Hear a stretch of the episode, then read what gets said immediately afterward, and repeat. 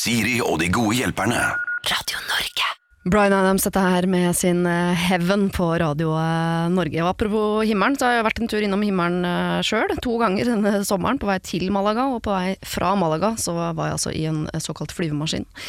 Og for dere som eh, følger programmet, så vet dere kanskje om meg at jeg har en anelse flyskrekk. Eller jeg har nok flyskrekk til at jeg har et sånn kort i lommeboka med hvor det står at denne passasjeren har flyskrekk. Vær ekstra snill med henne.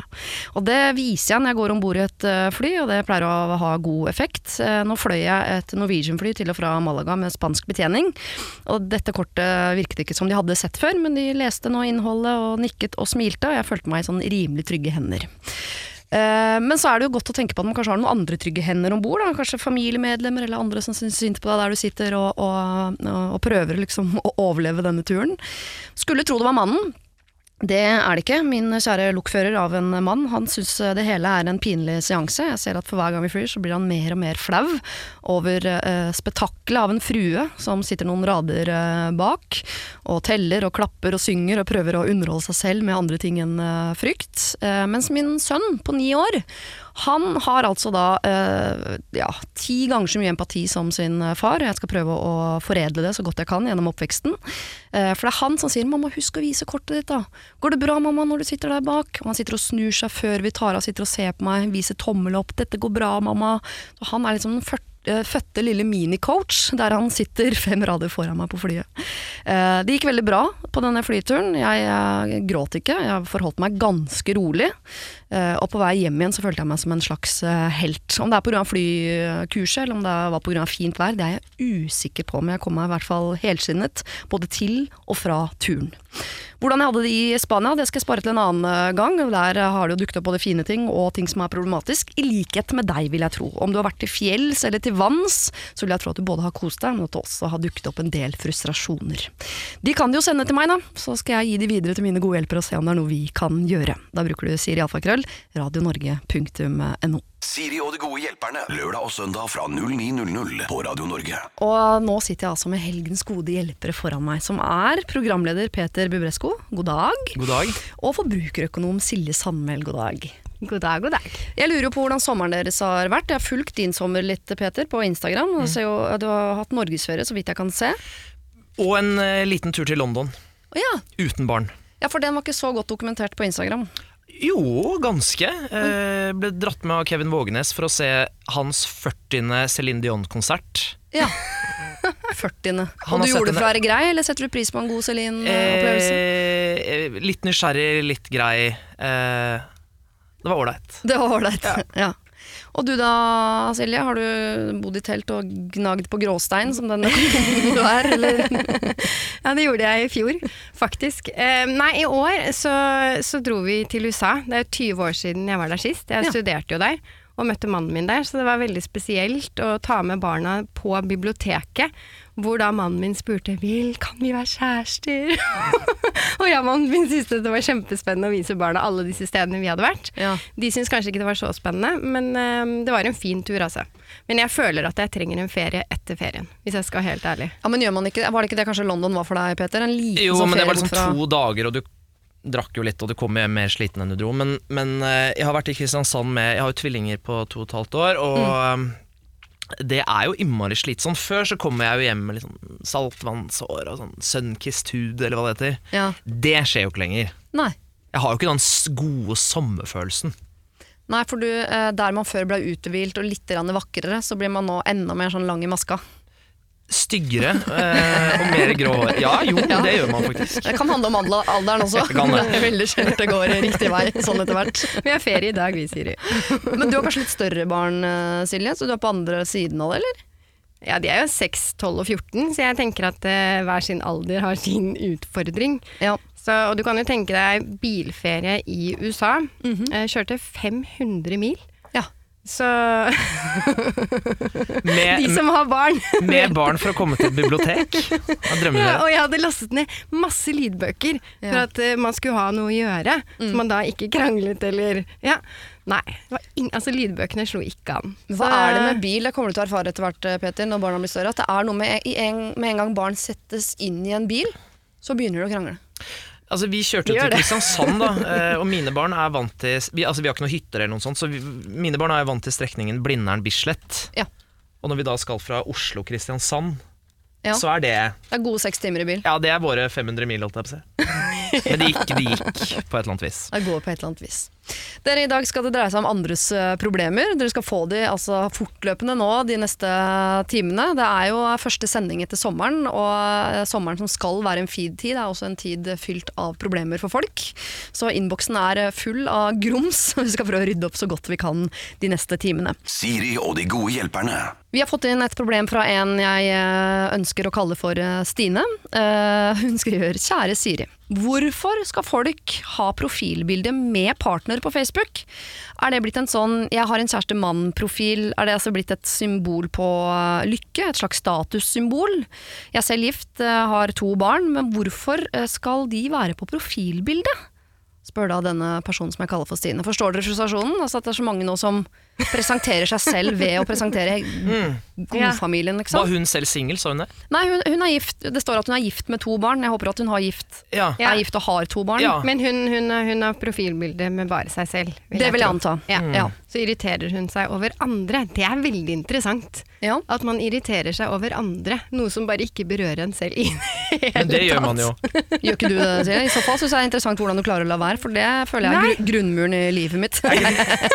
Det er sånn liksom, vi kommer oss gjennom dagen, tenker jeg. Er det ikke det? Det er derfor vi har Instagram. Scrolle og tenke sånn idiot, idiot, idiot. idiot. Sånn ville ikke jeg gjort det. Bedre lykke neste gang.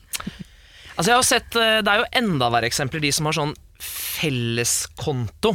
Oi, fins det? Ja, masse. Liksom Lars og Line, og så er det liksom deres konto. Det er jo da garantert Line som står for kontoen, Det vil jeg tro. og ikke Lars. eh, men det tenker jeg liksom er enda verre. Men, men eh, felles profilbilde Det føles jo litt sånn Han er min. Eller hun er min. Og at det er litt sånn possessive. Ja, litt. Ja, så det er ikke skrytete, eller? Det spørs jo hvordan eh, mannen eller kona er, da, tenker jeg. Hvordan de ser ut. Ja. Ja, for jeg tenker, ja, Hvis jeg skal prøve å forstå hvorfor man gjør det, så ville jeg tenkt at ja, dette er en såpass stor del av meg, eh, min personlighet, at jeg føler at dette presenterer meg. Eller representerer meg, da.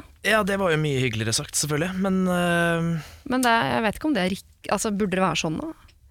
Nei, jeg, jeg, altså, jeg, har ikke, jeg har profilbilde bare av meg selv. Ja. Og så tenker jeg nå, ville jeg hatt med mannen min på et profilbilde? ja. ville han? Eller, eller gjør folk det fordi at Å, det var et kjempefint bilde. Nei, vet du hva, det er veldig Det har jeg aldri tenkt på. Aldri tenkt på den problemstillingen. Jeg føler at det er eh, Det er, som sosiale medier ofte er, litt sånn Se så lykkelige vi er. Vi er et par. Eh, vi er fortsatt lykkelige, og så er de kanskje ikke det. Det er jo litt det derre to vinglass i solnedgang. Alt det der som liksom ikke representerer virkeligheten. Ja, for jeg tenker, eh, Hvis det hadde vært sånn innimellom, så kunne det vært en tilfeldighet. At man tenker sånn, og på det bildet var jeg innmari fin. Synd at mannen min også er der. Ok, du får bli med. at det er sånne tilfeldigheter. Men hvis det er nå sånn at denne Stine har lagt merke til at dette er en trend, litt sånn som nå på sommeren så har det vært veldig mye sånn føtter i sand, meg på toppen av et fjell. Altså Det er noen bilder som går igjen, og da kan jeg skjønne at man kan bli irritert for at folk blir med på den derre åh, nå er det det vi gjør-aktig. Men kanskje det blir bedre for Stine hvis hun istedenfor å, å, å irritere seg over det, tenker sånn åh, dette er sånn par som egentlig ikke har det så bra. Og så blir hun ikke irritert av det. Det er veldig godt tips for henne, ja. Ja. Og sannsynligheten for det er jo ofte ganske stor. Ja. Ja, for folk må jo få lov å gjøre det de vil. Hvis man har lyst til å ha med mannen sin eller kona si på profilbildet, kjæresten sin, det er jo koselig det òg. Ja. Jeg synes det, er nest, altså, det er jo ikke noe nytt, egentlig. Det er jo øh, Før sosiale medier så var det altså, Man paret seg opp på fest, f.eks. Hvis kjæresteparet liksom står sammen hele festen. Det syns jeg er irriterende. Ja. Kan dere ikke gå og øh, snakke med litt forskjellige folk, eller kan dere liksom ikke slippe dere litt løs, og står de, og så blir egentlig begge veldig kjedelige.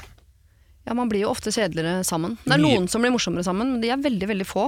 Ja. Ja. Og så står de der, og så blir det en sånn kjedelig versjon fordi ingen tør å slippe seg helt løs, og så fordi de da representerer da paret. Ja. ja, det kan jo være Altså, Vi kommer ikke til bunns i hva som ligger bak alle disse profilbildene, og jeg tror ikke heller vi får de bort. fordi uh, uansett hvor irritert Stine blir, så klarer ikke hun å liksom overbevise Facebook, det er et ganske stort uh, land, uh, om at de må slutte med det her. Så det eneste vi kan hjelpe Stine med, er å bli kvitt sin egen irritasjon. Og da må det jo være enten det klassiske slutt å bry deg, slutt å være på Facebook, Ja. tenk Ja. at de har det forferdelig i livene sine. Jeg vet ikke. Og så vil jeg jo si Hvis det er det, liksom det største problemet i Stines liv, så har hun jo et forholdsvis godt liv, da. Ja, ikke, ikke bruk eh, energi på det, tenker jeg. Det må være fryktelig slitsomt. Ja. Finn andre problemer som er litt større, hvis du først vil gnage på noe. Ja. Da har vi jo prøvd å svare Stine på hvorfor folk vil ha med partneren sin på profilbildet. Det kan være mange grunner til det, eh, men det som er ditt problem er jo at du bruker energi på å irritere deg. Da er det jo lett å si 'ikke gjør det', eh, og så må du finne ut av sjøl hvordan du skal slutte med det. Eller tenke at eh, disse lykkelige bildene kanskje har en eh, trist bakside. Eller så er det vel bare å logge seg ut av Facebook som er løsningen. Siri og de gode hjelperne. Vi har eh, fått inn et problem fra en som kaller seg for eh, singel Siri. Det er med andre ord ikke meg. Jeg hadde sagt ifra hvis jeg plutselig var uh, singel på alle mulige måter. En annen altså. Hei! Når er det innafor å lage Tinder-profil etter et brudd? Jeg har vært singel i over to måneder nå, og jeg kjenner meg klar for å gå videre. Men er det egentlig greit i forhold til eksen? Det var jeg som gjorde det slutt, og han tok det ganske dårlig. Vi var sammen i mange år, og det ble slutt fordi han behandlet meg dårlig, noe han også var klar over. Vi bor i to forskjellige byer, så sjansen for at han ser profilen min er relativt liten, og vi prater sjelden sammen, men stemninga mellom oss er ok, tror jeg, og jeg vil jo helst at den skal fortsette å være sånn. Så what to do? Hilsen singel Siri. Oi. Oi, jeg tenker sånn, har du ikke lyst til å være singel litt lenger da, singel Siri? Jo, men man kan være singel lenge på Tinder, Tinder, på altså. Tinder. Ja, men begynn å date med en gang. Ja. Men det kan jo skje uforpliktende ting da, som hun kanskje drømmer om etter et litt dårlig forhold. Ja, ikke Tinder. Som ikke er liksom ny kjæreste, men ja, kanskje men litt bare eh, litt sånn dating og spenning og sånn. ja. Ja. er ikke Tinder på en måte bare en slags sånn uh, liggeapp med GPS? Det er det også, i hvert fall. Ja. Jeg ble sammen med kjæresten min for 12, 12 eller 13 år siden. Ja. Uh, så jeg har liksom gått glipp av liksom hele det Tinder-greiene. Jeg har aldri da vært på Tinder. Har ikke det, altså. Ehm, uh, litt sånn dessverre eller Av og til så er jeg litt sånn nysgjerrig på Enig. Det virker litt sånn gøy og ikke gøy, selvfølgelig. Men uh, også, jeg bare lurer på hvordan det hadde vært for meg. Men det er ikke problemet hennes. Problemet er at det er slutt for to måneder siden. Ja, og hun vil på Tinder. Men jeg vil, bare, jeg vil påpeke en, uh, en feil i mailen på en måte. For hun sier at vi bor i forskjellige byer, så sjansen for at han ser profilen min er liten. Det er ikke feil. Men hvis han ser profilen din, så er han jo på Tinder. Ja, da kan han jo ikke bli sur! Så han har vært der før henne. Det er, å, ja, Ja, eller hvis han ikke ser det, så er han jo ikke på Tinder ennå, da får han ikke vite det. Og hvis han er ser det det, så er han sånn jo det der. funker? Ja, fordi du må Ja, for jeg tror ikke hvem som helst kan Man kan jo selvfølgelig låne telefonen til en som er på Tinder og, og snoke Ja. seg gjennom, men da betyr det at da er man jo litt interessert Med mindre han gjør det for å stalke henne, men da er han jo gæren, og da skal du ikke ta hensyn. Men hun, det er jo garantert at en kompis av eksen forteller eksen at hun er på Tinder. Det Ja. vil jo skje, så det spiller egentlig ikke noen rolle om han er på Tinder eller ikke. Nei, det er sant. Mm. Nei, men om det er tidlig etter to måneder Men altså, hvorfor må hun bry seg om det, egentlig? Det er jo slutt. Ja, eh, det, jeg er enig i det, samtidig som eh, jeg syns egentlig man alltid skal ta hensyn til eksen hvis man er den som dumper, hvis man har overskudd til det. Fordi eksen, hvis eksen er lei seg og har spørsmål, så syns jeg man skal stille seg tilgjengelig til eksen er fornøyd. jo, det blir flising. Jo, hvis man har mulighet, med mindre, altså innenfor rimelighetens grenser. Men hvis eksen, ja, det har jeg sagt til alle mine ekser. Sagt sånn, hvis du om fire måneder lurer på om det var fordi uh, uh, ja, et eller annet bagatellmessig som du bare har fått for deg, så ring og spør. Jeg Ja, skal svare så godt jeg kan. Er det noen som har gjort det? Nei, det er det ikke. men men hun, hun sier jo det at uh, hun har allerede fortalt det til eksen sin, at han var kjip. Ja. Han behandlet henne dårlig. Det er det formildende her, da. Ja. Hadde det vært at han var en god gutt som hun bare gikk lei av og dumpet, og han fremdeles nå etter to måneder ligger i fosterstilling hjemme på sofaen og griner og klarer ikke å jobbe og komme seg videre i livet, så tenker jeg ja, men da skal man faktisk eh, ta hensyn til liksom hans eh, følelser. Men her forteller hun at han har vært kjip. Han vet at han har vært kjip, og at det er derfor dette bruddet har skjedd. Og da tenker jeg det er en formildende omstendighet som gjør at Tinder kanskje er for henne nå likevel. Ja. Kan Ja. hende hun har hatt lyst til å date lenge. Hun, Hun hadde har- antakeligvis lyst til å date mens hun var sammen med han fyren. ja. Sannsynligvis. Altså, hun er jo sultefòret på det ene og det andre, tenker jeg. Ja. Um, Men det så- er jo fint, vi liker jo i utgangspunktet at Singel-Siri er villig til å vise hensyn til en fyr som hun jo har vært sammen med i mange år. Så det er, jo, det er jo masse kjærlighet der. Så jeg syns ikke vi skal liksom plukke den egenskapen bort fra henne. At hun, hun har jo en veldig empatisk egenskap her, som vi, jeg syns ikke vi skal fjerne den. Nei. Hun vet jo ikke hva han gjør, da. Eh, om han så ikke er på Tinder, så kan jo han ha datet fem damer allerede, på en måte. Ja. Ofte så er jo det å eh, Når det blir slutt, så føler jeg at det ofte er litt sånn Kappløpet starter umiddelbart. Hvem blir lykkelig først? Ja, og det er ofte gutten, føler jeg. Ja. Ja. De har ikke så høye krav, kanskje? Vet ikke. Nei. Men, men altså, er, det, er det eneste måten å date på i dag, er det Tinder? Er jeg Ja. så utdatert at det, det er ikke sånn at man finner noen på treningssenter, eller at man Hæ? Nei, men jeg, det er jo blitt sånn at hvis, hvis du f.eks. treffer en som, som øh, kanskje ikke på Tinder, men som ikke er på sosiale medier, så tenker man jo sånn uh-oh, freak, liksom. For da, hvorfor er du ikke det? Hva er det du prøver å skjule? Ja. Gjemmer du deg for uh, myndighetene, eller hva er det du driver med? ja, det hadde jeg tenkt. ah, ja ja. Ja, men jeg syns ikke det er for tidlig å gå på Tinder. Det eneste man jo kan spørre seg om, og det er kontrollspørsmål fra meg til dere nå, jeg aner ikke hva jeg mener selv, er det sånn at kunne Siri ha spurt eksen sin? Hei, jeg Siri til meg, jeg lurer på er er det ok for deg at jeg legger ut en Tinder-profil? Jeg ga hun en dialekt, bare. Nei, du, du kan ikke spørre om det. Nei, det hadde ikke Nei, jeg men du kan, hvis, du, hvis du vil beholde det gode hjertet ditt sånn og i, i henhold til at han ikke skal få sjokk når han ser deg på Tinder, så kan du informere, Ja. men ikke spørre. Nei. Så du kan godt si at vet du hva, jeg er klar for å gå videre. Jeg har lyst til å lage Jeg kommer til, ikke jeg har lyst til, jeg kommer til å lage en profil på Tinder. Ja. Bare så du vet Det det. vurderer jeg nå. Uh, Ja. Hvis ikke det også, jeg tenker sånn, hvis jeg hadde følt meg er dumpa og knust, og så skal han ringe fra sin høye hest og si sånn 'Hallo der nede, jeg ser du ligger i fosterstilling'. 'Jeg går videre, her oppe'. da hadde jeg kanskje blitt litt irritert. Men på et eller annet tidspunkt så vil jo det skje, så kanskje det er like greit at det plasteret bare rives av med en gang. Fordi man skal jo liksom videre i livet. Jeg vet ikke om dere har opplevd det, men det å ha et godt forhold til eksen sin, og så skal man på et tidspunkt si at man har truffet en annen. Ja, Verdens verste følelse. Altså, det er så grusomt. ja. Fordi man er jo ofte glad i de man går fra eller har blitt altså, Ja. Ja, ja, det er jo noe særlighet der. Jeg tror vi sier det sånn, Singel Siri, at jeg tror uansett uh, den gode stemningen dere har, den blir litt grann ødelagt den dag du treffer en ny, men jeg tror ikke den blir ødelagt av at du i det hele tatt begynner å titte litt. Så lag deg en Tinder-profil, gjør det nå. Herregud, du kunne gjort det for lenge siden, men den dagen du treffer en ny, Ja. så, som er seriøst, så kanskje du skal ringe eksen og informere han om det. Akkurat hvordan du traff han, det tekniske bak det, det er det ingen som har noe med å gjøre. Det syns jeg faktisk ikke. Nei. Eh, hvis du har et problem du smører på, så send det inn til meg på siri.alfakrøllradionorge.no. Siri og de gode hjelperne. Lørdag og søndag fra 09.00 på Radio Norge. Her står det. Kjære Siri og de gode hjelperne. Jeg er så rasende sint nå at jeg holder på å eksplodere. Vi er en gjeng fra videregående på rundt tolv stykker. I gjengen har jeg alltid vært den som blir erta og sett på som den litt dumme, spesielt av fire stykker. Og før har det vært bare kjærlig og fullt av masse ironi, sånn som venner gjør mot hverandre. Og da har jeg ledd og jeg har blitt med på spøken. Men sånn føles det ikke lenger. Nå kommer kommentarene hyppigere, og de er slemmere, og det føles virkelig som om de rakker ned på meg. Et eksempel her. De har vært og spilt kort av denne vennegjengen. Eh, alle har prata, og så er det en som skal forklare reglene, og istedenfor å be folk være stille, så har han bedt denne personen om å holde kjeft. Eh, og så Litt senere på kvelden så har de snakket om eh, surrogati, og da har denne personen sagt at han var for surrogati, og da ble han kalt et forferdelig menneske av alle de andre til stede. Og Dette er bare to korte eksempler på at han hele tiden møter motstand av fire i denne gjengen på tolv. Jeg er så lei, det har kommet et punkt nå at jeg føler eh, at jeg ikke kan prate når jeg er sammen med denne gjengen. Jeg er rett og slett redd for fire av mine venner. Dump dem, sier sikkert dere, men det er ikke så lett, for vi er en gjeng fra videregående, og hvis jeg tar avstand fra fire av dem, så risikerer jeg også å miste de andre. Mine to beste venner vil nok ikke gå fra meg, men jeg vil jo ikke miste resten av gjengen. Mange av de andre ser ikke hvor slemme de fire er mot meg. Jeg vil ikke ende opp alene, men jeg vil ikke bli behandlet på denne måten lenger heller. Så hva skal jeg gjøre? Hilsen gutt 20 år. Altså, Vi trenger ikke gå så i dybden på om han faktisk blir mobba eller ikke.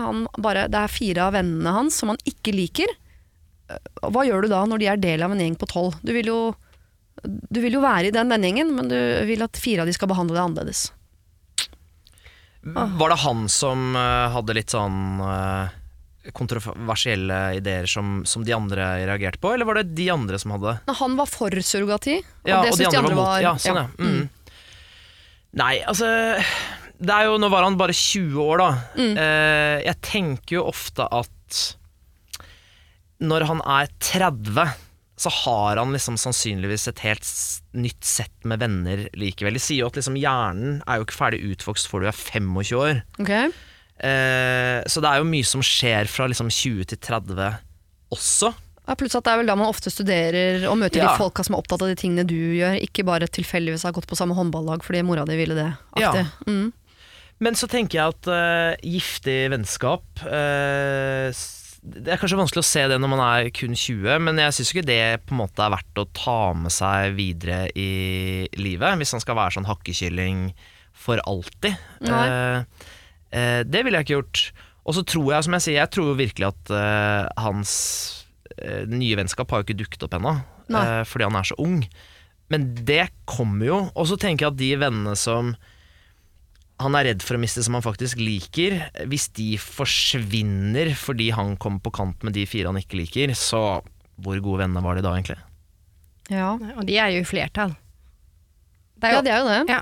Ja, Men hvis ikke de forstår eller ser det denne gutten her eh, ser og forstår, at de tenker at han overdramatiserer, eller åh, typisk deg, vær så hårsår, eller at det er noe, noe sånt, da, at de på en måte ikke forstår hans synspunkt, så kan det jo være vanskelig å, å støtte noe man ikke ser. Det er sikkert det han er redd for. da. Hva om de ikke Ja. forstår meg og tenker at det er jeg som er idioten? Men har han, har han det, jeg, det jeg lurer på, er om han har prøvd å være ærlig. Jeg vet ikke om det er så lett når du er så ung, kanskje, men det er jo sånn Det er det med som alderen alle- som, eh, som spiller Ja. inn her, altså. Men det er Ja. sånn som alle, alle psykologer sier, at uh, fortell ut ifra Når du sier sånn, Ja. så føler jeg det sånn. Eh, det er veldig voksent. husk at det er en guttegjeng. Det er ikke en jentegjeng, det er en guttegjeng. Nå Men- blander du kjønn her. Det er veldig vanlig. Veldig vanlig. Men, men, men, ja, men helt seriøst, hvis, hvis de hakker på han og hakker på han, og hakker på han, og han ikke sier noe, kanskje ler med, Mm. og ikke er ærlig og uttrykker at dette her plager han, så vil det jo bare fortsette. Så, så det handler jo om å, å si fra, tenker jeg da. Si fra. Jeg tenker også litt å sette seg i respekt, for hvis du har tidligere ledd og vært med på spøken, og bare Ja. latt det der bli på en måte et mønster i gjengen, at ja, jeg er en hakkekylling, gyv løs liksom, så tenker jeg på et eller annet tidspunkt, så eh, du trenger ikke å, å dumpe noen eller bli kjip tilbake, men å, å sette, sette ned foten liksom, og bare være streng tilbake og, eh, vise at ikke du godtar den oppførselen. Mm. Og så synes jeg også sånn, alle har jo noen vennegjenger eller noen miljøer de er i hvor det er et og annet menneske man ikke liker så godt, men som man bare må godta fordi det er en del av, av gruppa. Eh, og da, jeg bruker minst mulig fokus på den personen, og så bruker jeg all, all fokuset på de andre. Istedenfor å da Det er jo noen som tenker som han, Altså, bla, bla, bla. Jeg tenker denne gutten bruker nok mye energi på å tenke på hvor mye han ikke liker de fire, Ja. istedenfor å tenke på hvor mye han liker de andre åtte. Åtte. Og så handler det om hvis han også tar initiativ til å invitere, for det virker som dette er en guttegjeng som møtes, Mm. og det er jo ikke sånn at man er nødt til å invitere alle tolv heller.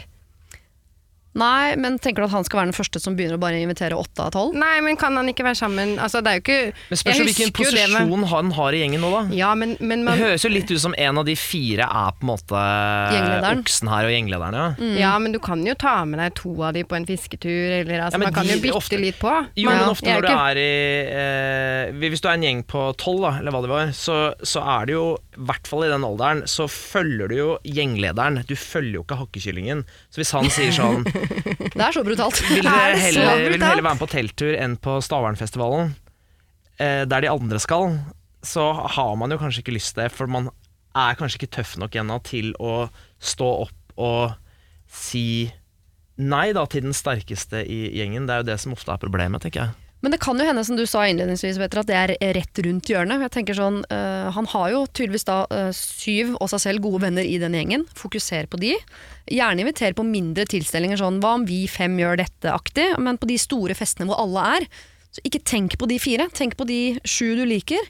Og så kommer du etter hvert til å få andre venner, nye venner, og da kanskje du bare sitter igjen med de to som er bestevennene dine, eh, som du tar med deg videre i livet, og så har du en annen gjeng som behandler deg bedre på det stedet hvor du begynner å studere, eller hva det nå måtte være. Tenker jeg, For det der dumpegreiene er veldig brutalt. Nei, men man kan dumpe sakte, men sikkert. Men Ja. altså, å være sammen med folk som tapper deg for energi, å, det er jo ikke bra. Og jo eldre man blir, jo, jo færre venner får man. Fordi at man tar vare på de som faktisk gir deg noe tilbake. Mm. Så, Og så er jo skolevennskap Man må huske på at skolevennskap er jo litt sånn tvungne vennskap. Ja. Man er liksom satt på Det er, liksom, det er litt sånn tilfeldig. Du bodde i samme gate, område, du eh, tilhørte samme skole, og så ble du liksom på et eller annet vis venner. Det er jo etterpå han kommer til å søke seg til miljøer hvor han finner mennesker som tenker likt som han, som kanskje syns det er fint med surrogati og sånne ting. Ja, de fins. Eh, de fins, og da er eh, den historien med de to idiotene litt eh, De fire idiotene litt mm.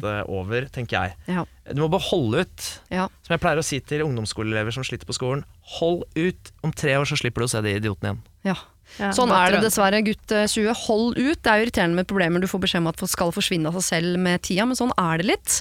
Men enn så lenge, nå som du er midt i det og det gjør vondt, overse de fire du ikke liker, fokuser på de syv du faktisk liker, og tenk på at om noen år så kanskje ikke du trenger å ha noe med de idiotene å gjøre i det hele tatt. Siri og de gode hjelperne. Send oss en e-post på siri at radionorge.no. Hei, Siri. I fjor var jeg på utveksling i et studie i en europeisk storby. Jeg hadde det helt fantastisk der, jeg ble sendt med masse nye mennesker fra hele verden. Jeg holder kontakt med mange av de, og en av dem, kall han gjerne meksikaneren, har vært litt mer frempå enn de andre det siste året hva gjelder kontakt. I disse dager besøker han Europa og planlegger å besøke meg. Jeg har avverget et besøk til hjembyen min. Altså Han har mast og mast og mast og mast om å få være med henne en uke på hytta med foreldrene hennes, og sånn, og hun har bare nei, nei, det passer ikke, og han er ikke så flink til å ta hintet, men han, hun fikk avverget det fordi hun avtalte isteden å møte han to dager i København, rett og slett for å få slutt på masinga. I løpet av denne tiden har han sendt meldinger av typen åh, du ser sykt bra ut, jeg klarer ikke å slutte å tenke på de blå øynene dine, I have to, have to tell you something, I need you baby, osv. Typisk seint på kvelden når han har drukket. Jeg har hver gang gjort det tydelig at jeg ikke er interessert i dette, og jeg har til og med skrevet at jeg har kjæreste, noe jeg ikke har. Eh, Da svarte han med et ganske irriterende 'ikke ta det så personlig, det var tull', og etter dette har jeg ikke svart han i det hele tatt. Men han fortsetter å bombardere meg med masse meldinger, dog uten å si unnskyld eller ta noe til seg. Vi skal etter planen møtes i København om en stund, og spørsmålet er kan jeg avlyse på kort varsel. Han har flybilletter og må tilbringe disse dagene i København uansett om jeg dukker opp eller ikke. Hilsen blåøyd jente 23. Ja, du må jo bare avlyse. Jeg tenker at den var ganske enkel. Hva Men- skriver du da? Jeg, jeg har ikke Ja, lyst. men hvor, altså, Hun liker jo han ikke engang. Hadde de enda vært gode venner og han har tullet og Men det virker jo ikke som om hun liker han. Rett og slett. Hun sier jo ikke med ett eneste ord der at hun har lyst til å møte han. Og hvorfor skal du da møte han?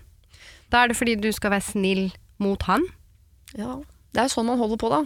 Herregud, så mye man har gjort i sitt liv fordi man tenker at man Ja, bare burde, eller det er det sånn det er, eller Det er jo vanskelig å være ærlig, da. Det er det Ja. som er problemet i livet ofte. Jeg har ikke en sånn kjæreste som har prøvd å Eller som har prøvd å liksom komme hit. Men jeg husker jeg, jeg spilte i et band en gang eh, mens jeg studerte i Cardiff i Wales. Eh, og han var liksom bassisten som kom inn på slutten, og det var ikke Kjente han kanskje minst av alle. Mm. Eh, og så eh, For et par år siden så kom han til Oslo fordi, med jobben, det var sånn jobbseminar. Og så skulle han møte meg, og så møtte, møtte jeg han eh, på Tjuvholmen av alle steder. Og så skjønte jeg veldig fort at å gud, dette er kjedelig, vi har ingenting å prate om. Nei. Og så sier han sånn, dette var kjempehyggelig, eh, dette seminaret er hvert år. eh, og da tenkte jeg sånn, nei det går ikke. Nei. Eh, og så kom jo da Vurderte du å flytte til en annen by i Norge? Nei, men jeg tenkte jo sånn Da må jeg ha planer neste år. Og så eh, hadde jeg da planer neste år. og, eh, og så var det sånn, ja det var dumt. Og så har jo det også fortsatt. eh, Men da har jeg liksom sagt ganske ofte Eller hvert år da så har jeg sagt sånn Å nei, jeg er liksom borte igjen. Jeg skal ha noe? Mm. Eh, og da har det liksom sluttet, da. Ja, hvor mange år tok det? Jeg tror det var tre. Ja, ok. Ja, Tre år med, tre år med fading. ja pluss den gangen vi møttes, da. Ja, ikke sant? Men det var jo ikke en sånn pågående meksikaner, selvfølgelig, som Nei. var uh, interessert. Så det var jo noe annet. Men jeg har jo respekt for de som tør å si For du var litt sånn Ja, jeg hadde sagt si ja, fra. ja, ja. Med én eneste gang. Men jeg hadde jo ikke avtalt det møtet i utgangspunktet. Nei, ikke sant? men, men, men hun har jo da tydeligvis ja, altså Jeg vet ikke om hun da syns at han er en o... Eller var, da, en ok kar på det tidspunktet de avtalte å møtes. Men eh, Jeg tipper hun har likt han som en venn når de studerte sammen. Ja. Altså, men etter at han begynte med sånn I want you baby, o-o-o, så har Ja. det blitt litt sånn Oi, hei sann, vi er fra to forskjellige planeter. Ja, og det det. hun har jo vært ærlig også, for hun sier at hun ikke liker ham på den måten. Ja. Men altså, jeg hadde jo jeg hadde gått for ærlighetsstrategien og bare sagt, vet du hva, du virker ekstremt pågående. Dette gidder jeg ikke. Jeg har Ja. ikke noe interesse av å møte deg i København. Sorry. Nei, og da er det jo to potensielle utfall. Enten så, så For det virker jo som hun da kanskje har lyst til å beholde han som venn. Alltid gøy å ha en venn fra Mexico, kanskje. Ja. men, men da står hun i fare for å miste han helt. ja. Eh, men Kanskje ikke det litt avlivet, da?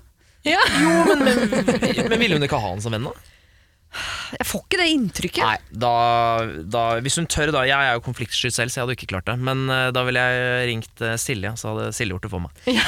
Jeg hadde skrevet en tekstmelding for det. Men for det er jo det som er rart, man er jo ganske konfliktsky, men det, man er til og med konfliktsky fordi man tenker at å nei, tenk hvis han jeg ikke liker som bor i et helt annet land, plutselig ikke liker meg. Wow! Og så er, og så er det av en eller annen merkelig grunn. Og jeg liker motoren som er sånn man skal være høflig-motoren, men når man utse- må begynne å skryte på seg kjærester og plutselig drar to dager til en by man ikke har lyst til å dra til bare for å, å, å glatte over og forskyve et problem sånn, det er jo helt ko-ko. Man må jo ikke drive med det. Hun har jo én stor fordel, det er at han da ikke er fra Norge, og Mm. at de ikke skal møtes i Oslo. Så det er jo ikke sånn at det er et sånn emosjonelt minefelt et eller annet sted i byen som hun kan tråkke på når som helst. Han er jo fra andre siden av jorda, og de skal møtes i København. Så hvis Jeg ville jo også ikke dratt på den turen, helt klart. Og så tenke at ute av syn, ute av sinn, og så bare går det over. Men kan hun uh, ljuge og si et eller annet at det er noe som har dukket opp, eller et eller annet? Fordi han eh, blir jo da sittende i København to dager det, i den leiligheten som de sikkert har funnet sammen på Airbnb osv. Så, videre. så han vil jo bli litt irritert når hun sier at hun ikke kommer. Og det kan jo hende at de, ja, om ett år så skal de kanskje ha en sånn eh, reunion med alle som studerte sammen ja, i Edinburgh, liksom, august neste år. Og det er jo greit å kunne treffe han uten at han er sånn pottesur. Ja, men Og hun har jo så? allerede begynt å ljuge og skrytt på seg kjærester og sånn, så hun kan jo eh, skryte på seg lite angina eller altså et eller annet som gjør at hun ikke kan Altså, komme. Nei. Jeg, jeg nei. dytter barna foran meg hver gang. De er syke. Ja. Kan Jeg ikke sier- komme. Vær, ikke finn på en unnskyldning. Bare vær ærlig, si det som det er. Altså Hvis ikke så vil du fortsatt få de meldingene etter han har drukket, Ja. hvor hot du er og all, altså, du, har, du er jo ikke interessert til å ha kontakt med fyren. Hvis, hvis du kan kutte han ut av livet ditt, ikke trenger han som venn, ikke har lyst til å møte han, Mm. jo fortere jo bedre. Men så var det denne reunion, da. Ja. Ja, men reunion, hva så? Har ingenting å si. Nei. Nei, det har ikke det. Nei. Vet du hva, eh, Jeg hadde, jeg hadde faka noe, jeg vet det. Ja, men ikke sant? Jeg tror vi her må gå for Silje sin løsning, fordi alt både både du. Peter, og jeg eh, sier, er jo, kommer jo fra et konfliktskyhetsstandpunkt, Yes. og det må vi jo prøve å bli kvitt. Så du må, hvis du er konfliktsky som Peter og meg, så kommer du antageligvis til å gå for det vi har sagt, eh, ljuge og fake og holde på i det lange og det brede, men det som er riktig å gjøre her, og det er det du spør om, er jo å være helt ærlig. Gjøre som Silje ville ha gjort, og si det til han. Eh, Du er for pågående på SMS, jeg har ikke lyst til å treffe deg, problemet er over. Siri og de gode hjelperne.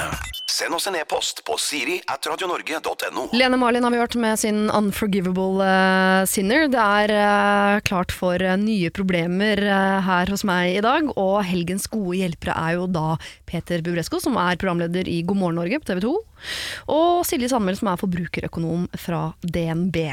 Eh, hvordan ser søndagene ut i deres liv vanligvis? Har du, altså ditt liv da, Peter, som er preget av mye stå opp tidlig. Ja.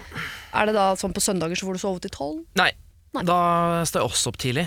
Eh, jeg vil tippe mellom seks og sju, Ja. eh, som er jo tidlig.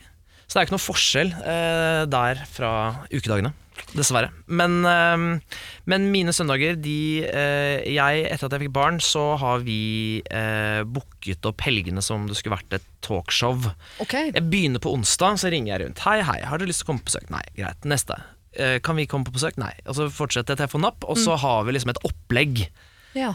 Eh, det må være liksom et opplegg for å få liksom dagen til å gå. Men er det da sånn mye hyggelig voksenkontakt barna er med, eller er det fra hoppeland til trampolineland til uh, ballbingeland, liksom? Nei, altså De første som får telefonene, er jo de barnløse vennene våre, som betyr ekstra hender. Mm. Begynner der. Har de skjønt det? Jeg vet ikke, jeg, tror ikke det. Nei, ok. Så søndager eh, er ofte da sosialt for din del. Ja. Masse voksne folk som kan være gode onkler og tanter. Ja. Ja, Lurt. Det var Silje, veldig det- god idé. Nå ser jeg at du tenker, hvorfor for skjønte jeg ikke det? Why, why? Ah, nå vet jeg hvem jeg skal invitere neste søndag. Det gjaldt ferie òg. Ferie Var med på ferie i sommer òg. Ja. Masse voksne, to barn. Men da har dere masse eh, voksne venner som ikke har barn, da? Ja, eh, ganske Ja, ikke som veldig mange, men eh, vi har en del, ja. Ja. Mm. Masse folk full av energi. Ja. Ja. Å, herregud. Skulle hatt noen av de. ja. Som er liksom inne, og så er de ute. Så Ka- Er de til vanns? Ja, det vet jeg ikke. Nei. For oss som har sånne vennegjenger som bare er sånn oppvridde kluter. som ligger utover stuegulvet. Ja, Silje. Søndagene dine. Du beskrev meg ganske godt der. Oppvridd skureklut. Nei, søndager, da Så jeg, Det er litt forskjellig, da. Men jeg, søndager er ofte en dag hvor, eh, hvor i hvert fall jeg er veldig sliten. Ja. Ehm, fordi det er fullt kjør. Jeg har jo tre barn. To av de har jo to aktiviteter hver. Så det er håndballkamper, fotballkamper, ishockeykamper. Ja. Og nå begynner hun minste også på fotball eller håndball eller begge deler. Mm. Så det er, eh, det er å stå på sidelinja og rope heia, heia, heia, heia. ja. Så det er stort sett det helgene går til, rett og slett. Så du står enten inne i en hall eller Ja. på siden av en fotballbane, heier og prøver å motstå fristelsene fra vaffelkøen. Ja. Ja. Vaffelkøen, den eh, frister meg. Eller så står jeg og selger vafler, for det er jo sånn det er. ja. Det, det blir ikke tatt hensyn til om du har tre barn. Nei. Nei, Nei, for det har jo ofte de andre foreldrene som også har barn på håndballaget. Helt riktig. Det er ingen Nei. som har forståelse. Nei. kjempe, det er bare å grue seg, Ja, jeg vet. Jeg satt og tenkte på hva den ultimate aktivitet egentlig er. Ja, det er ikke lagidrett i hvert fall. Nei. Du må få dem inn i noe solokjør. Ja. Fjellklatring Ja. eller et eller annet. Jeg har liksom tenkt tennis. Jeg sitter på en benk og bare snur på hodet sånn. Ja, det er ikke så dumt. Ja. Det Ja, det var en god idé. Ja. Søren, jeg startet i feil ende. late. Too late. ja, eh, nå skal det dreie seg om andres eh, problemer, heldigvis. Selv om eh, hvis du Silje eller du Peder har problemer, så for all del, altså åpne opp eh, og del, så skal vi se hva vi kan eh, gjøre. Men i utgangspunktet så er det jo du som hører på som skal få hjelp. Da sender du problemet ditt til eh, Siri, alfakrøll, radionorge.no. Radio Norge. Vi skal tilbake til 1. november 2018. Da var Janne Formoe og Helene Vikstvedt mine gode hjelpere her. Vi eh, ble kjent med en som heter Laura, som hadde sendt inn en mail fordi eh, hun hadde funnet drømmemannen, og hun levde lykkelig med han i Oregon, USA. De hadde kjøpt, kjøpt en slags gård og hadde masse å drive med i tillegg til at de hadde hver sin jobb og unger og alt det der. Så alt gikk egentlig bra, men eh, Laura merket at hun savnet alenetid mer og mer. Hun holdt på å bli gal av å ha de samme menneskene, eller bare ha mennesker rundt seg til enhver tid, selv om det var mennesker hun virkelig elsket. Hun hadde gått eh, mer og mer fra å være en positiv og sprudlende dame til å bli en litt mer grinete dame. Hun hadde bodd alene fram til eh, dette, og begynte å bli usikker på om kanskje ikke var lagd for å bo sammen med andre mennesker, selv om hun var sosial og mannen var sosial. Han kanskje mer enn henne. Så det hun lurte på var, er dette en kulturforskjell, er det mer rom for alenetid hjemme i Norge, eller er jeg rett og slett en introvert særing? Hvordan kan jeg løse dette, jeg vil jo ikke miste mannen og livet mitt, jeg vil heller ikke miste meg selv, skrev eh, Laura. Dette la jeg fanget til Landet Formoe og Helen Vikstvedt altså den 1. november, og du skal få høre noe av det de mente kunne være lurt. Men du er helt normal! Ja, og så normal som bare det. Kjempenormal. Det er ikke noe rart Ja. det der der. Nei, Du må finne seg en hobby, tenker ja. jeg. Som er bare sin. Som er bare sin. Ja. Ja, og så må jo også kanskje være litt sånn tydelig på at hun trenger litt tid alene. Han, han må forstå hennes behov, og hun må bare kommunisere de tydelig. Også, Ja, for han vet jo ikke om det, sikkert. Nei, ikke sant? Og så må, hun- så må hun etablere et rom for sine behov. Altså hun, Ja. må, hun, må, hun må enten hobbyen, eller at hun sier at av og til så må jeg dra på en liten tur, eller altså at hun begynner å gå noen tur. Altså, jeg vet ikke hva hun skal gjøre, men et eller annet som er henne, så spa, må helt akseptere det. Ja. Dette var altså noe av det Janne Formoe og Helen Vikstvedt mente kunne være lurt. Og Laura hun har gått i tenkeboksen, men nå har hun sendt en eh, mail for å si hvordan det går. Hei igjen, sen tilbakemelding fra meg, men jeg har tenkt på å skrive mange ganger for å takke dere. Det var altså så godt å høre deg, Janne og Helen snakke sammen om problemet mitt. Og høre at jeg er helt normal. Mange føler det sånn. Kanskje særlig det du sa, Siri, om forskjellen på introvert og ekstrovert, og hvordan de lader opp forskjellig, har fått eh, virkelig bitene til å falle på plass for meg. Det er så riktig, og det traff problemet mitt midt i blinken. Å høre diskusjonen deres gjorde at jeg har blitt bedre kjent med meg selv, og har funnet ut av hvordan jeg kan håndtere hverdagen min bedre. Jeg finner lommer av tid hvor jeg kan være alene og lade opp. Jeg har også plukket opp gitaren min igjen og begynt med gitartimer som egen aktivitet. Og mannen vet at når jeg sitter for meg selv og spiller gitar om kvelden med et glass vin, ja, da er det tid for han å lese en bok. Jeg har også lagt merke til og funnet ut av hvor mye jeg setter pris på hvor godt det er for meg å ha en som pusher meg ut av komfortsonen min. Ut av godstolen en tirsdag kveld for å sykle eller besøke venner. Uten å bli for filosofisk har jeg tenkt at jeg lærer han kunsten av å slappe av i øyeblikket, mens han lærer meg det å leve i øyeblikket. Igjen tusen takk, med vennlig hilsen Laura. Laura, så hyggelig å høre at du og mannen har funnet ut av det, at du har funnet ut av hva du skal gjøre, og hvordan han har funnet ut av hvordan han skal bevege, deg, bevege seg rundt deg når du trenger din egen tid. Så nå har du ikke mista mannen, og du har heller ikke mistet deg selv. Trenger du hjelp, så sender du inn en mail til meg. Da bruker du altså Siri Alfakrøll, radionorge.no. Nå får du John Farnham. Dette her er You're The Voice. Siri og de gode hjelperne. Kjære Siri og de gode hjelperne, står det her. Vi er en jentegjeng som ikke ses så ofte, men nylig ble vi gjenforent på en storbyferietur. Alt var som før, med unntak av én ting. En av oss, kallende Ulla, har i det siste blitt ekstremt opptatt av miljø, altså plastforbruk, økologiske produkter osv. Og dette er selvfølgelig vel og bra, det er bare det at det første som skjedde da vi møtte henne på flyplassen, var at vi andre omtrent ble kvalt av en slags gammel svettelukt. Etter litt eh, undercover gra graving underveis på turen, fant vi ut at hun har sluttet med vanlig såpe og deodorant til fordel for nesten luktfrie såpestykker i alle mulige former. Eh, samt en luktfri deodorant som etter vår mening heller lukter vondt enn ingenting. Ulla har en tendens til å være litt hårstår og kan være veldig vanskelig å ta opp ting med. Temaet er ubehagelig uansett, men det gjør det ikke bedre at hun er dårlig på å ta kritikk og ofte tar til tårer og bortforklaringer om noe blir tatt opp med henne. Vi er derfor redde for å skape dårlig stemning eller såre henne hvis vi tar det direkte opp med henne. Har dere noen tips til hvordan vi kan få løst opp i denne situasjonen uten å egentlig si noe? Eller forslag til hvordan vi eventuelt kan ta det opp, selv om det da er eh, helt garantert at det blir stygt? Vi vil jo bare det beste for henne, og alle er enige om at vi selv hadde satt pris på beskjeden dersom det var en av oss som luktet vondt uten at vi visste om det. Klemmer fra jentegjengen grei? For det første vil jeg jo si at denne miljøforkjemperen burde jo ikke vært på Gardermoen og tatt flyet til denne store Nei, det er sant. Ja. Nei, eh, alle miljøforkjempere har jo noen huller på CV-en, for å si det sånn. ja. Nei, det er aldri det, det å si til noen at uh, Ja, at du lukter vondt, Mm. eller den hårklippen der skulle du vel kanskje ikke tatt, eller Mm. Nei, åh. Det er vanskelig, det.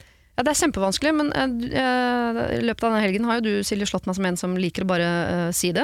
Ja, men det er sånn Det er litt vanskeligere i sånn vennegjeng, fordi det, den som slår Altså, når du aldri skal se folk igjen, eller du skal bare avslutte noe her, Mm. så, så kan man være ganske direkte og hard. Mm. Men, men til en venninne Som lett tar til tårene. Ja, altså, og hvis man gir henne en annen deodorant, så vil hun jo ikke bruke den heller. Ja, for jeg lurer på, Fins det noen eh, formildende former for hinting her som ikke har det samme resultatet? At man skjønner 'å ja, jeg lukter vondt'. Altså En idé kunne vært på en måte å, å, å hyre inn en som kan spille liksom the bad guy. Eh, Ja, god idé! For eksempel da at du får en La oss si du er på byen, da, og så får du en fyr som, som, som går bort, eh, som du har planlagt på forhånd, sier sånn til henne Vet du hva, du må nesten ta deg en dusj, du, du lukter helt jævlig. Oh. Og så eh, kommer hun gråtende til venninnegjengen, og så eh, får hun trøst, så vennskapet består. Men kanskje en sånn tanke har krøpet inn i hodet at hun må ta grep og vaske seg litt oftere. Men, kan, ja, men eh, hjelper det å vaske seg oftere når det er deodoranten som lukter vondt? Ja, men da Eh, kan man vel si at du, det kan jo hende at det er den som lukter vondt. Ja, Ja. Da blir du i hvert fall ikke den som må være så direkte og streng. Ja, for da kan man Ja. trøste og si sånn 'det var veldig slemt sagt', da, men eh, ja, og så kan man lukte litt sånn du, du, Det er jo ikke du som lukter vondt, men kanskje den deodoranten din lukter litt sånn rart? Ja. Sånn gradvis komme til problemet. Ellers så er jeg jo sikker på, sånn som når det finnes liksom De lager jo sånn som Leonardo DiCaprio driver sånn selskap med Bill Gates for å lage kjøtt som ikke er kjøtt, som smaker nøyaktig som kjøtt, Jaha. eh, finnes i LA. Ja. Eh, jeg er helt sikker på at det har kommet masse gode kanskje, eller bedre produkter enn hun er klar over, så venninnegjengen kan jo gjøre en researchjobb også for henne, eh, og finne ut om det faktisk har kommet miljøvennlige produkter som også lukter godt. Ja. Jeg vet ikke, men hvis det gjør det, så kan jo det være neste gave, for eksempel. Ja, Det, det var en god idé. Jeg husker, jeg bare, eller hvis det er en i vennegjengen, for det, nå kommer jeg bare på en historie fra meg selv. Eh, fordi når du er gravid, Mm. så altså luktesansen da det, det ser jeg på Petter, det vet ikke du, men luktesansen den blir helt ekstrem. Og man kaster opp av den minste lukten. ja. Og jeg hadde da en venninne som brukte en hårspray. Jeg husker ikke hva han heter, jeg bare husker at den er brun og det er sånn svært hår på. Elnett. Ja, takk. Eh, og jeg, jeg bare sa til henne, vet du hva, jeg kan ikke være i samme rom som deg når du bruker den hårsprayen, for at jeg får brekninger. ja. Og, og, da- og da var det sånn, å ja shit, det har jeg ikke tenkt på. Uh, og så begynte hun å bruke en annen hårspray da. Så du Så- så- foreslår at hele venninnegjengen skal bli gravide? Nei, nei, men hvis det er, det er også en, et alternativ. Hvis det er en som er gravid, som er, du har en enorm luktesans, den derre luktfrie såpa di, for det er jo såpa vi, eller Ja, ikke ja. såpa nødvendigvis, men deodoranten vi snakker om. Vi snakker jo ikke om henne.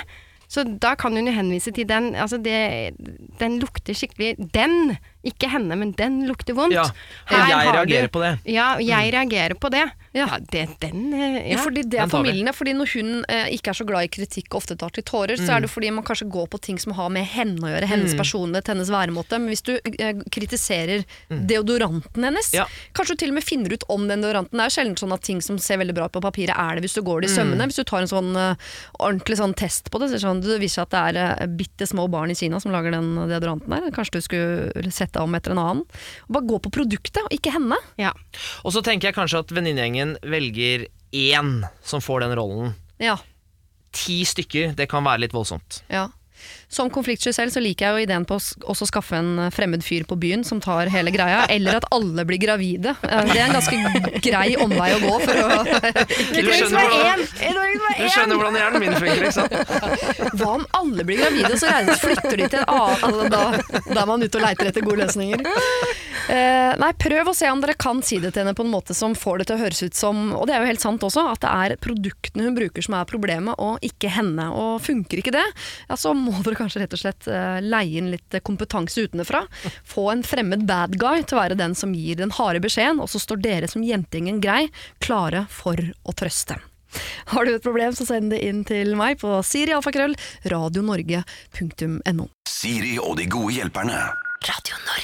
Ok, her er altså et problem som jeg ikke har vært borti før. Her står det. Kjære Siri og de gode hjelperne. Jeg har et lite problem som jeg håper dere kan hjelpe meg med. Jeg har tidligere jobbet som eskorte på fritiden.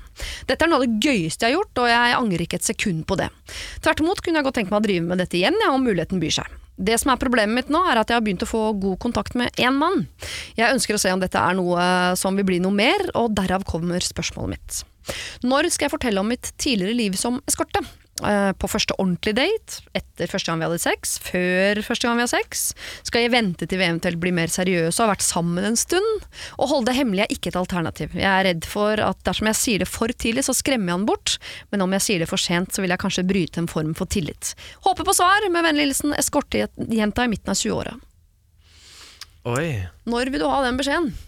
Jo, men eskorte, bare er ikke, er ikke det sånn Det er ikke hore. Nei, altså eskorte er ikke det at du blir leid inn for å se vakker ut eh, på en fest og går sammen med noen andre og Ja. Jo, du skal jo fungere som anstand den kvelden, på en måte. Du skal Ja, pynte mannen. Hvorfor er du flau over det, da? Hvis hun har gjort det. tror det er litt mer enn det. Det er jo øh, for Er det ikke det? prostitusjon det hasj er for narkotika, på mange måter. Altså, det, Men er ikke eskortepike litt sånn luksusvarianten av gatehore? Jo, men jeg tror ikke det er Jeg, jeg tror øh, Noen av de byr sikkert også på ligging, men da må du betale ekstra. Jeg tror ikke det er du, Når du leier en eskortepike, så er det bare øh, leie en som dukker opp i fin kjole. Som er med og konverserer. Altså Pretty Woman var vel i utgangspunktet en eskortepike som dessverre falt pladask for Richard Gere.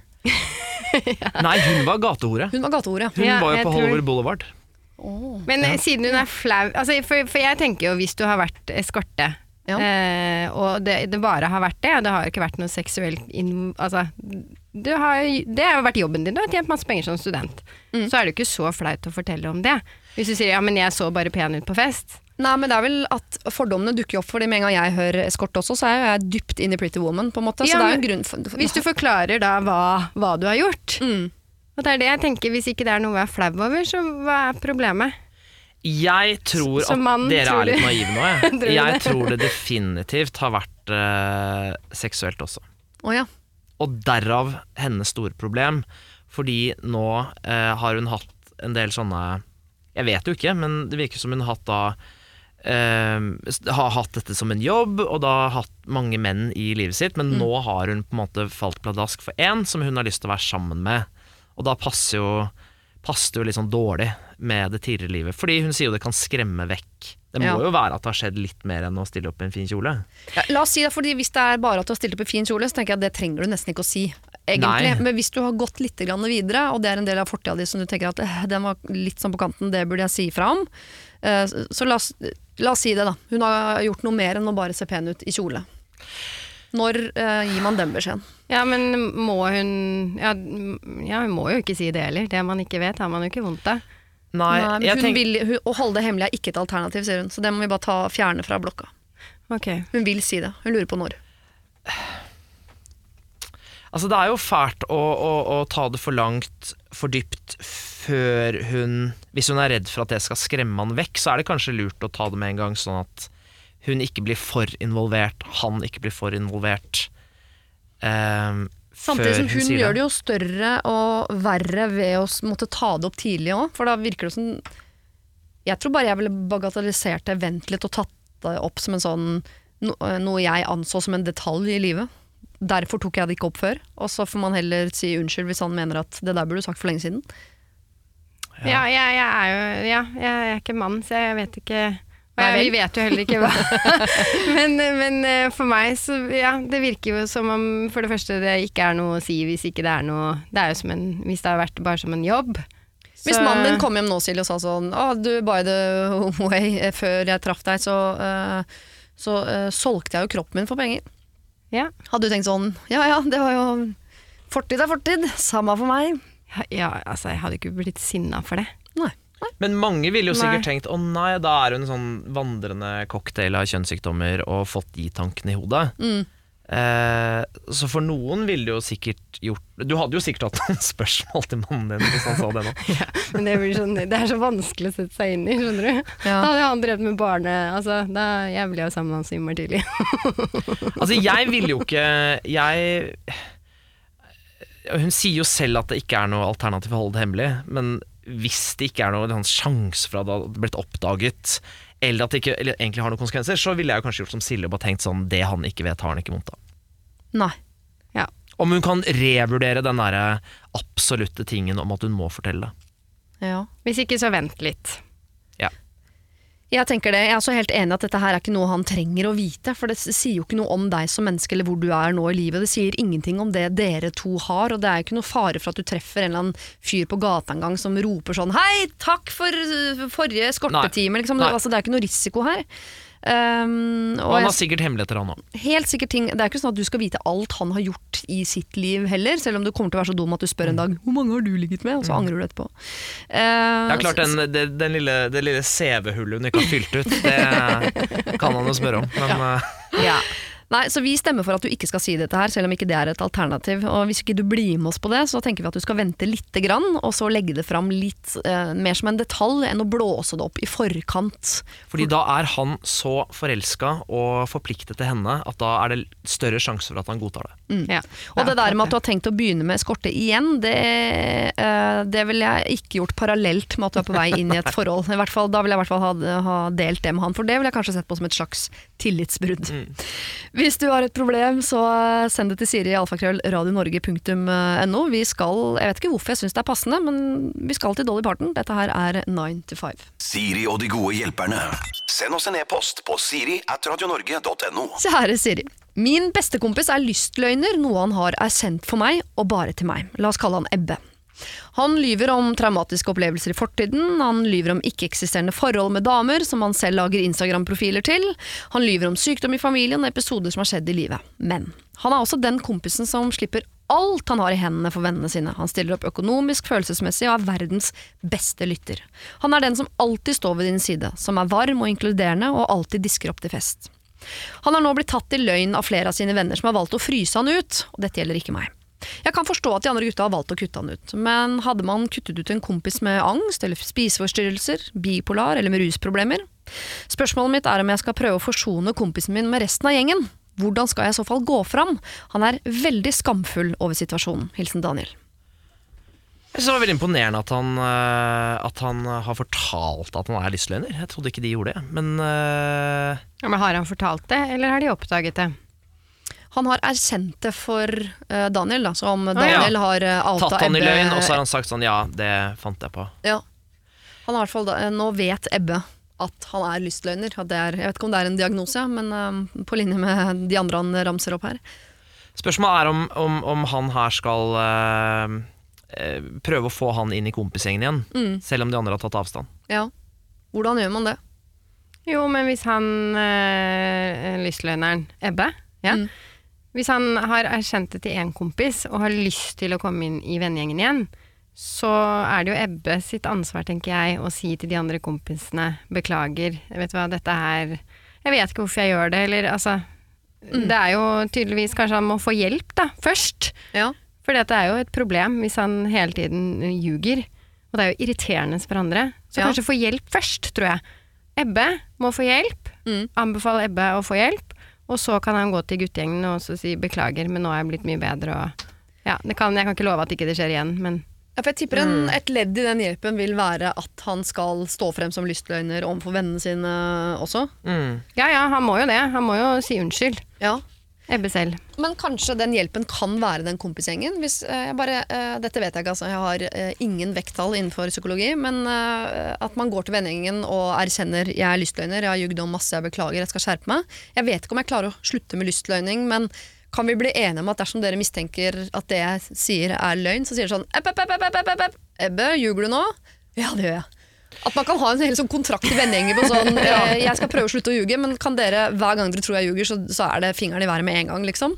At vi har en veldig sånn åpen dialog på at jeg innimellom får, får lyst til å ljuge? Eller?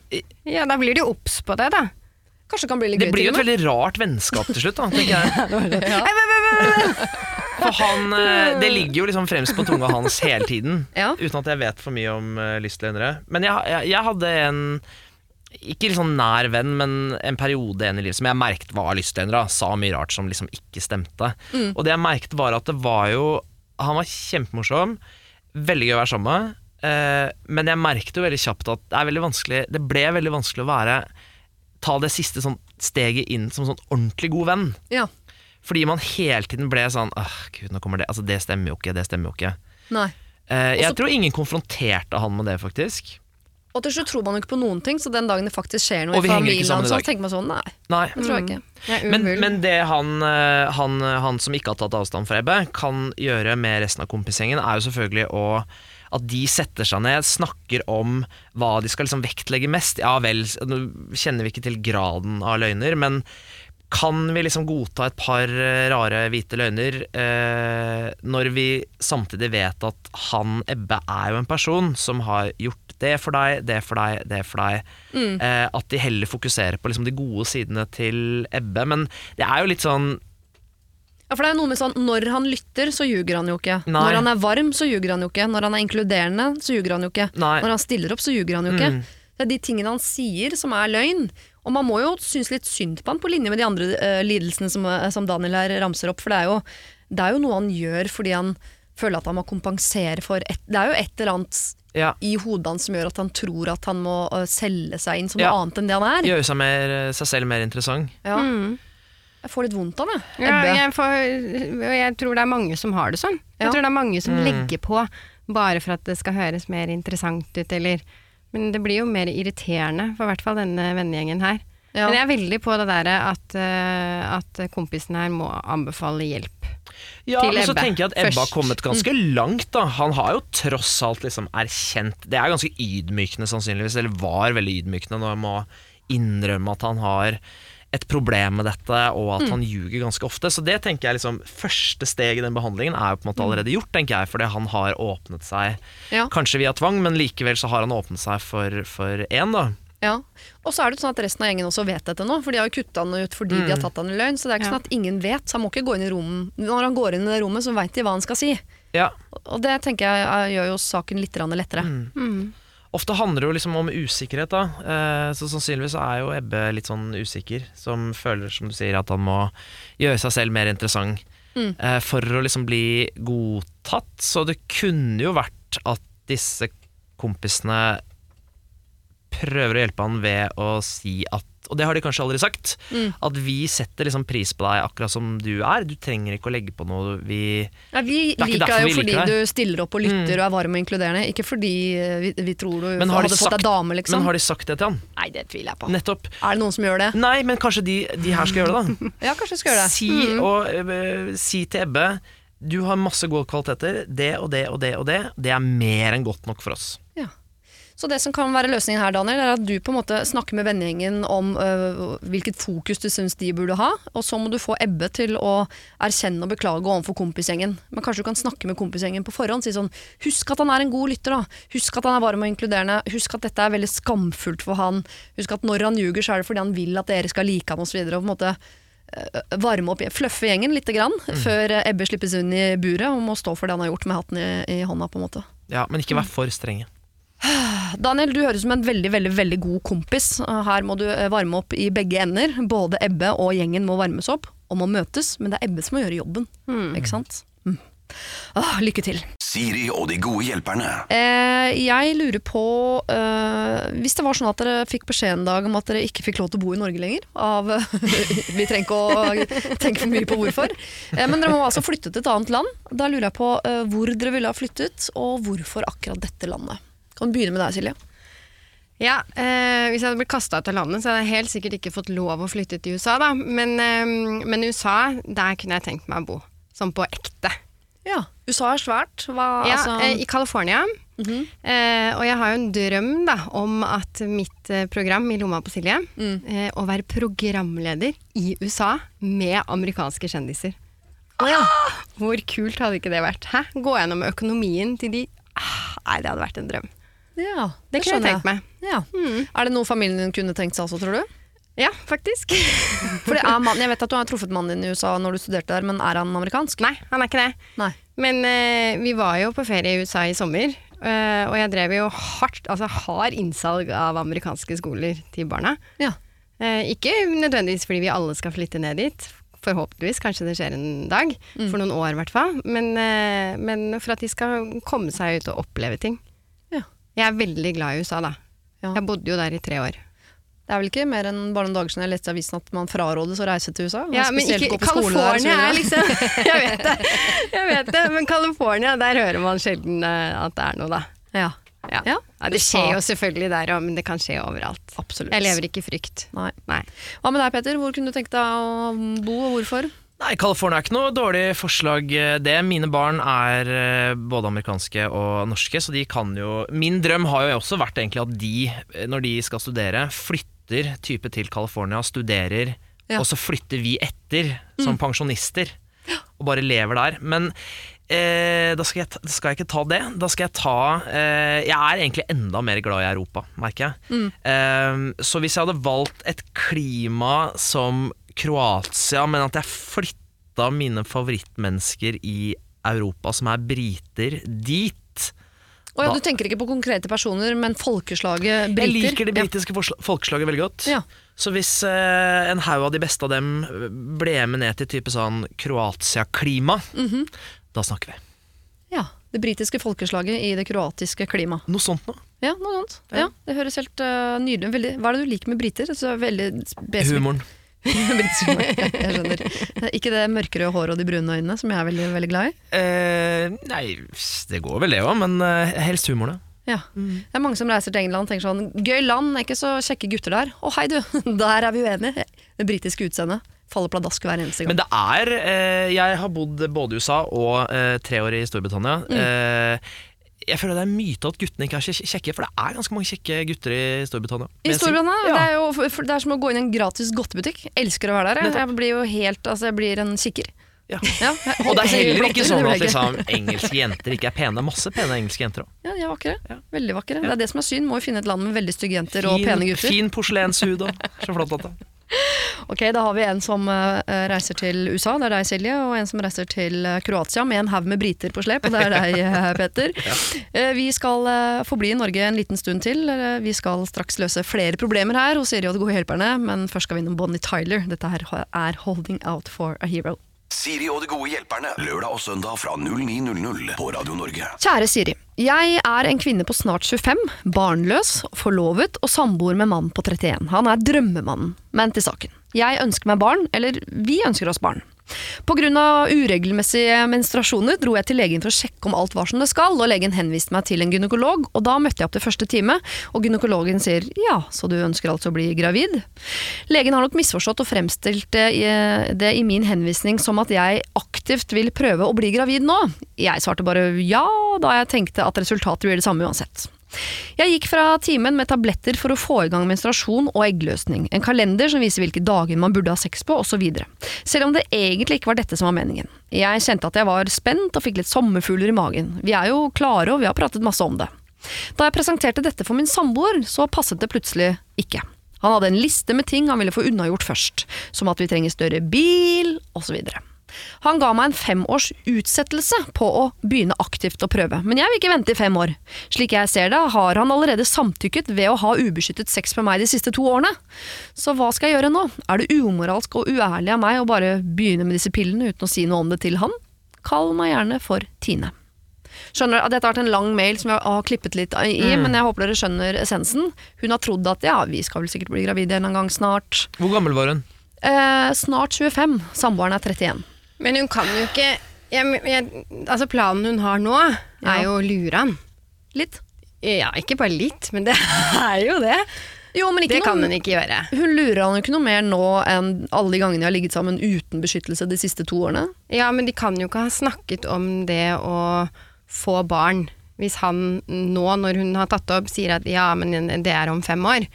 Så da, ja, jeg skjønner jo, man kan jo få barn når man har ubeskyttet sex, Ja. men uh, de har jo helt sikkert ikke aktivt gått inn for det. Hun er jo heldigvis ung, det. tenker jeg da. Eh, Jeg tenker jo det er jo en det er jo en ganske dårlig idé å få barn med en mann som egentlig ikke har lyst på barn akkurat nå. Ja, samtidig er det noen som har lyst på det akkurat Alle tenker sånn, ja, det, man tenker jo aldri at det passer, for man skal jo på jobb, og man har ikke den bilen og kryb, krybb... Altså, Jo, men det jeg er tenker en at man blir klar i det den ungen kommer ut. Tenker sånn, ok, du er her, da får kjøpe en ny Jo, bil. men. Hvis han har liksom mål i liv og ting han har lyst til å oppleve først, så føles det jo litt forferdelig at hun skal lure han, selv om de har hatt ubeskyttet sex og alt det der. Men eh, eh, jeg vil jo Nå er jeg ingen parterapeut, men eh, jeg ville jo kanskje heller eh, snakket ganske grundig godt om det. Ja, Eh, Istedenfor å gå løs på et sånn pillefat uten at han vet om det. ja. Nei, det, jeg ville absolutt ha snakket om det. Nå merket jeg at jeg ble nesten litt sånn provosert. Men fordi når man skal få barn, så må man være enig om det. ja. Altså, uhell kan skje. Men dette er jo ikke et uhell, dette er i så fall et planlagt uhell. Så, så det handler jo om at eh, ok, fem år var kanskje litt lenge for henne, sånn, og det passer jo aldri. Men da må man jo komme til et kompromiss. Ok, vi kan godt vente et par år, eller så er det jo så at hun har veldig lyst på det nå, og så må hun da enten overtale han, eller hvis det betyr så mye, så kan hun ikke være sammen med han, da. Men Nei. hvorfor har han ubeskyttet sex med henne hvis han ikke vil bli far på hvert fall fem år? Hopper av Er svingen, det ikke det folk driver med, liksom? Norge er jo det landet i verden som, ikke, som Altså, bruker bare- kondom minst. Ja, Altså, vi er jo helt Vi er jo uh, en naiv flokk, for å være helt ærlig. Men for det er det jeg tenker for, uh, ikke, Jeg syns heller ikke hun skal lure han, de skal selvfølgelig snakke om dette, og det beste er jo om begge har lyst osv., selv om man aldri føler seg helt klar. Så noe er på et eller annet tidspunkt må man hoppe i det, uh, hvis man vet at man skal ha barn, øh, eller vil ha barn en eller annen dag. Men hva hadde han sagt hvis de, før hun dro til denne legen, bare plutselig ble gravid, da? Ja, men da hadde det vært et uhell. ja. Ja, som, som han virkelig var medskyldig i. Ja, men hva, Jeg bare lurer på hva han ville sagt da. Ville han da sagt at dette barnet beholder vi ikke? Eller han tenkte sånn ok, da når uhellet først er ute, så Ja, men da, Ja, Det måtte han ha sagt, Ja. føler jeg. ja, Han kan er ikke det komme da og kreve abort hvis det var det du tenkte på, Det det når han på. først har på en måte vært med på å ha sex med henne uten beskyttelse. Nei, for jeg tror det er dette Tine tenker på sånn, for han ville jo beholdt det hvis uhellet var ute, og det er jo fortsatt et uhell, bare at jeg har tatt noen sånne Nei, men det er jo ikke et modnings- uhell. Nei, det er det ikke, da. Det er ikke et uhell i det hele tatt. Jeg, jeg er enig, men jeg, jeg, jeg vil tro det er det Tine bruker som unnskyldning Ja, for ja. uh, inni sitt hode. At jo, Ja. det er jo litt det samme som før, bare at jeg har begynt på en slags vitaminpille, kan vi kalle det det? Altså Det er jo fælt å ljuge, da. Ja. Ja. Ha liksom det på samvittigheten, i hvert fall når, når noe så liksom livsforandrende skjer som å få barn, selvfølgelig. Mm.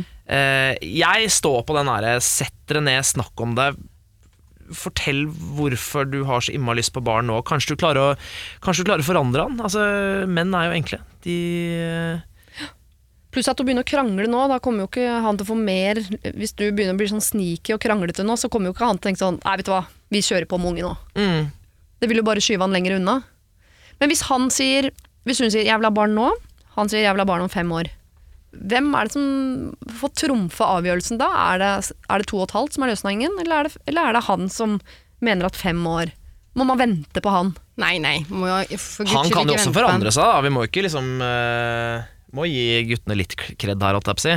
Ja. Uh, selv om han sier fem, så kan det hende han, uh, han forandrer seg. Men det er jo klart at hun skal jo bære det fram, og det er klart det er andre følelser knyttet til det for henne, selvfølgelig. Men, eh, Men eh, 25, ja, det er jo min verden. Ganske ungt. Ja. Jeg var hadde jo ferdig Jeg, jeg hadde noen venner som fikk barn da de var De ble gravide første gang, første gang da de var 34. Ja. Og da husker jeg tenkte å herregud, hva skal du gjøre? Ja. Fordi jeg bare er så vant til at folk, barn, får- folk får barn så seint. ja, så du 34 var litt tidlig? Ja, eller bare slo meg sånn herregud, dere er så unge. Ja. Så mye dere ikke har gjort ennå. Ja. Uff. Ja, jeg bare tenker, vi, dette må dere snakke om. Du skal ikke nå uh, lure han, selv om han har blitt med liksom, på å ha ubeskyttet sex i to Mm. år. Så syns vi ikke du, uh, Tine, skal lure han uh, med på noe greier nå som han ikke er helt klar for. Samtidig så syns jeg ikke du skal få vilja, at han skal få vilja si helt på at jeg er ikke klar før om fem år. Han kommer ikke til å være klar om fem år heller. Det er ikke Nei. sånn at da har han en syvseter og en krybbe hengende fra tak og uh, morselmerkserstatningen i nattbordskuffen. Altså, vi kan ikke vente til vi er der. Da får vi jo aldri barn. Så eh, dere må jo bli enige om et eller annet sted midt på. Og det er ikke lov å utsette heller. Hvis det da har gått tre år, så er det sånn 'Jeg trenger to år til', ja. Det, det går ikke. Mm. Men her er det altså eh, gode, gamle samtalen som må til. Du, Tine og mannen din må sette dere ned og bli enige, og da, eh, da er det ikke lov å trekke seg. Nei. Er det lov å Nei, si? ja, absolutt. Og så kan hun, hun kan jo Kanskje tanken skremmer han, men hun kan jo på en måte prøve å male det litt annerledes for han, da. Sånn at han skjønner at dette er ikke sikkert dette blir så ille. Og, og, og det passer aldri, det sa du Siri, Mm. men eh, hovedessensen her er hvis begge to har lyst, Mm. så kan de starte i morgen. Ja. Ja, Man trenger ikke den syvseteren eller det huset, eller Man trenger egentlig ikke så veldig mye. Det er en grunn til at kvinnen går gravid i ni måneder. For å, og en ting er at barnet skal modnes, men han skal modnes opp i huet. Og så er det en grunn til at menn også ofte i starten får lov til å gå litt på jobb først, og så, og så slipper de til mer og mer sånn på sikt.